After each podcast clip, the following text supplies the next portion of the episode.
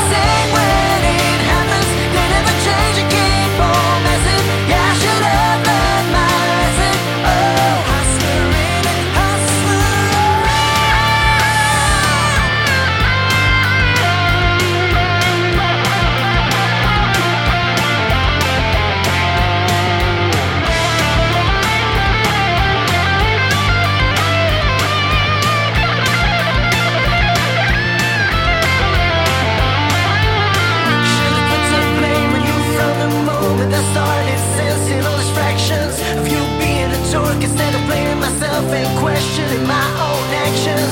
I don't know why it's always the same. It keeps happening